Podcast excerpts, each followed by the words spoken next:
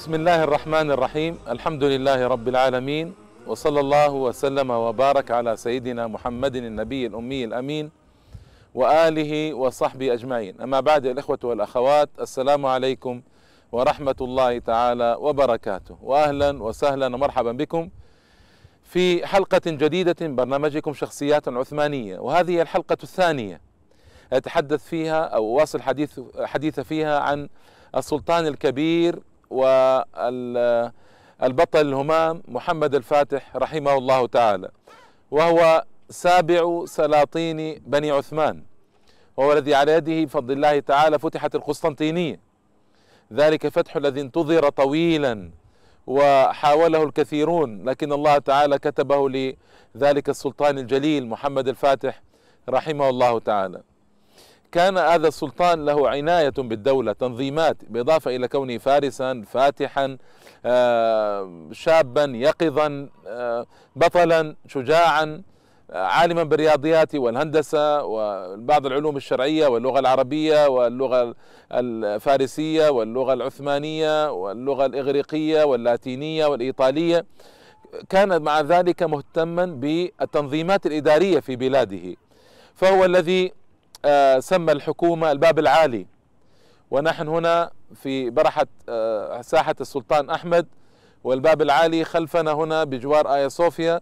الباب العالي والذي يسمى اليوم متحف توبكبي هناك كانت الحكومة فهو الذي سماه الحكومة الباب العالي. وجعل أيضا تنظيمات فجعل هناك قاضي عسكر لأناضول وقاضي عسكر لروميلي. يعني الأناضول طبعا له قاضي قاض خاص به قاضي عسكر الأناضول والروميلي أي بلاد العثمانية في أوروبا لها قاض قاضي عسكر خاص بها. وذلك اختلاف البيئة واختلاف الأحوال. وأيضا جعل الدفتر دار وهو يعرف اليوم بوزير المالية الدفتر دار وجعل هناك كاتب السر النيشنجي. النيشنجي هو كاتب سر السلطان والذي يكتب له الرسائل ويعنى به ويختم الرسائل بالطغراء. والطغراء هي الختم السلطاني الشهير المعروف الذي على هيئة خطوط يكون على هيئة خطوط متراكبة في اسم السلطان. فالنيشنجي كاتب سر السلطان إذن. إذا قاضي عسكر روميلي قاضي عسكر أناضول نيشنجي دفتر دار الوزير الأول أو الصدر الأعظم. هذه التقسيمات تعزى لمحمد الفاتح في ترتيب دولته ترتيبا إداريا رائعا. أيضا عني بالمساجد والمدارس فأنشأ من المساجد جملة وأنشأ من المدارس جملة. أنشأ مسجده الضخم مسجد محمد الفاتح اليوم موجود بفضل الله تعالى على التل الرابع. في القسطنطينية إسطنبول إسلامبول. التل الرابع ذلك أن المدينة مبنية على تلال سبعة. تلال سبعة. فمسجده جعله على التل الرابع في المدينة. ومن عظمة سلاطين آل عثمان أنهم أنشأوا المسجد المساجد العظيمة على التلال والهضاب والأماكن العالية. وذلك سببين. أولا لا يلحقها الزلزال عادة. والأمر الآخر هو أن تظهر من بعيد. فكان مسجده يظهر من البحر من مسافة بعيدة جدا. وهذا يدل على عنايتهم بالمساجد الفاخرة العظيمة التي هي في الحقيقة رمز للإسلام في أوروبا. وبنوها في القسم الأوروبي من المدينة. وهذه أيضا عقلية رائعة ومنظمة. وهذا من فضل الله عليهم. فبقيت لتدل على وجود الإسلام في هذه القارة الأوروبية وبقوة. أنشأ المدارس الثمانية. المدارس الثمانية هذه أنشأها بجوار جامعه. وجعل الأساتذة العظام يدرسون فيها. فالأستاذ يترقى في المدارس العادية فإذا وصل لدرجة عليا جيء به ليكون أستاذا في إحدى المدارس الثمانية هذه. وهذه تابعة للسلطان محمد الفاتح رحمه الله تعالى هو الذي أنشأها. أيضا السلطان هذا السلطان الكبير أنشأ الجسور والطرقات وأنشأ البيوت الجميلة في إسطنبول وأحث الناس عليها. حث الناس على بنائها حث التجار والأمراء والكبراء على بناء بيوت جميلة في اسطنبول حتى تتزين العاصمة. كان أيضا يشرف على مدارسه مع انشغاله الكبير بأعباء الجهاد كما سيأتي كان يمر على المدارس.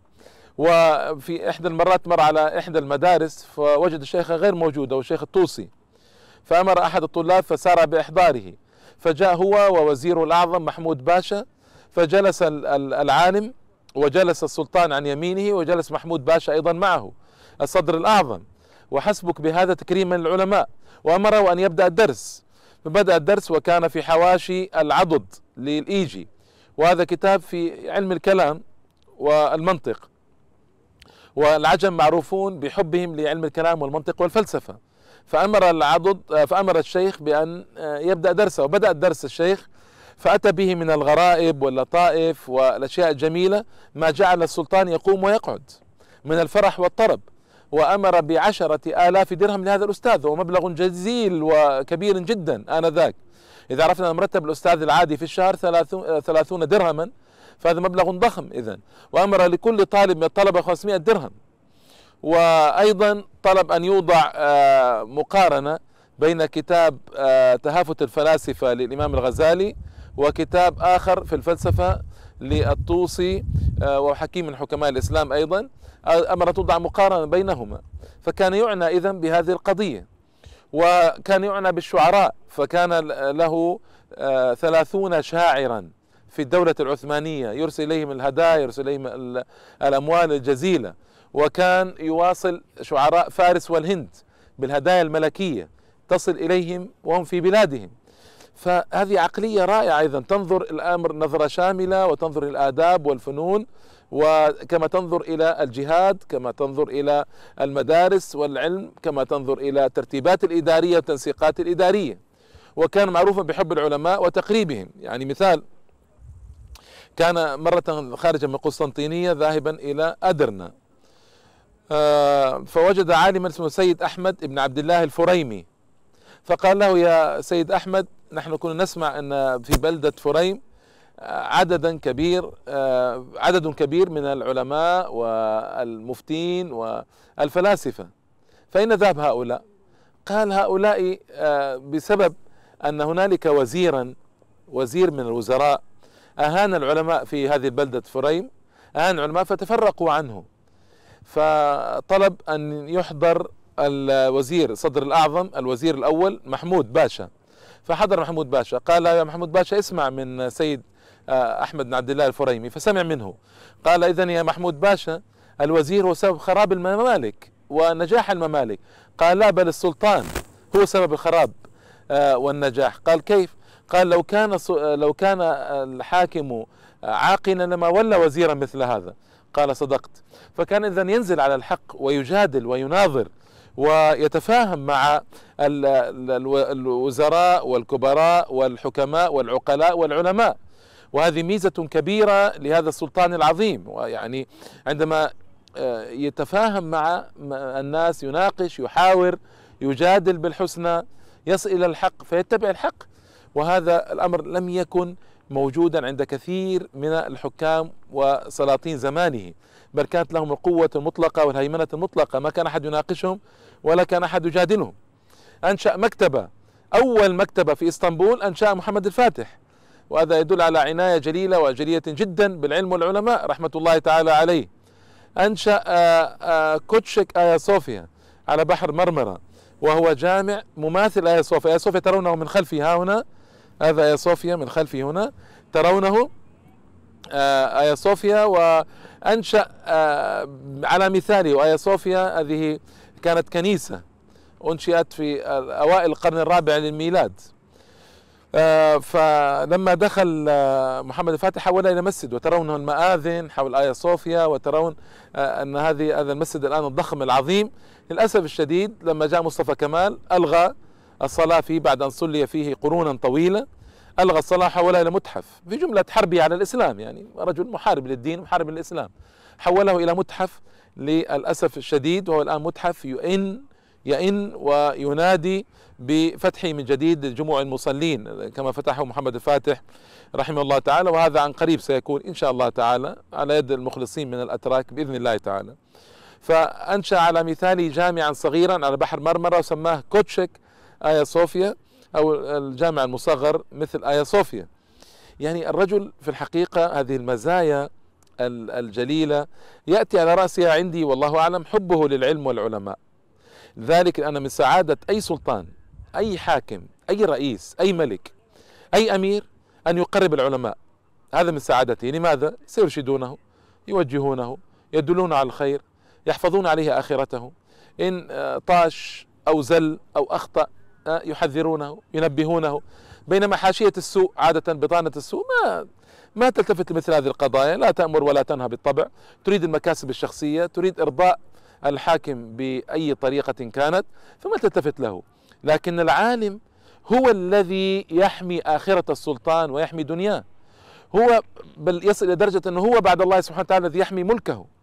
كم من الملوك والممالك قد تهدمت وتفرقت بسبب أن السلطان يعني خالف حكم الشرع وخالف حكم آه، خالف نصيحة العلماء فتهدم ملكه وذهب وزال. وكم من الممالك زالت بسبب الظلم الناشئ عن عدم العدل الناشئ عن عدم تقريب العلماء والعناية بهم. فهذا السلطان طبعا أنا قلت في الحلقة الماضية أنه ربي على أيدي علماء. الملا كوراني آه، الآق شمس الدين العالم الكبير. هذان اللذان ربياه وعلماه كتاب الله تعالى واللغة العربية وحديث رسول الله صلى الله عليه وسلم والفقه ومبادئ العلوم. فإذا وحفظ لهما الجميع واستمع كلامهما في أدق مراحل حياته. فتح القسطنطينية كما سيأتي إن شاء الله تعالى في الحلقات القادمة. يعني يعني هذا كله يدل على إيش؟ يدل على أن لله تعالى بهذا السلطان عناية. وجهه لتقريب العلماء والاهتمام بالعلم والاهتمام بالعلم الشرعي على رأس ذلك. فقلت لكم أنشأ ثماني مدارس لتعليم العلم الشرعي واللغة العربية والقرآن العظيم. وهذا لم يسبق لسلطان قبله أن صنعه. وهل اكتفى بهذه الثماني مدارس لا كان هناك مدارس أخرى وجوامع كثيرة ليس جامعه فقط. و... فإذا هذه شخصية جليلة عظيمة نبغت في وقت من الأوقات أتى الله سبحانه وتعالى بها لإتمام فتح هذه البلاد الضخمة الكبيرة وفي النهاية كان لله تعالى بعناية واضحة في كل مراحل حياته حتى إذا توفي آه، عن آه، إحدى وخمسين سنة رحمه الله تعالى كان قد ترك آثارا جليلة وعظيمة. في الحلقة القادمة سأواصل الحديث عن الفاتح وفتح القسطنطينية وفتوحاته الأخرى. إن شاء الله تعالى وإلى اللقاء الإخوة والأخوات. والسلام عليكم ورحمة الله تعالى وبركاته.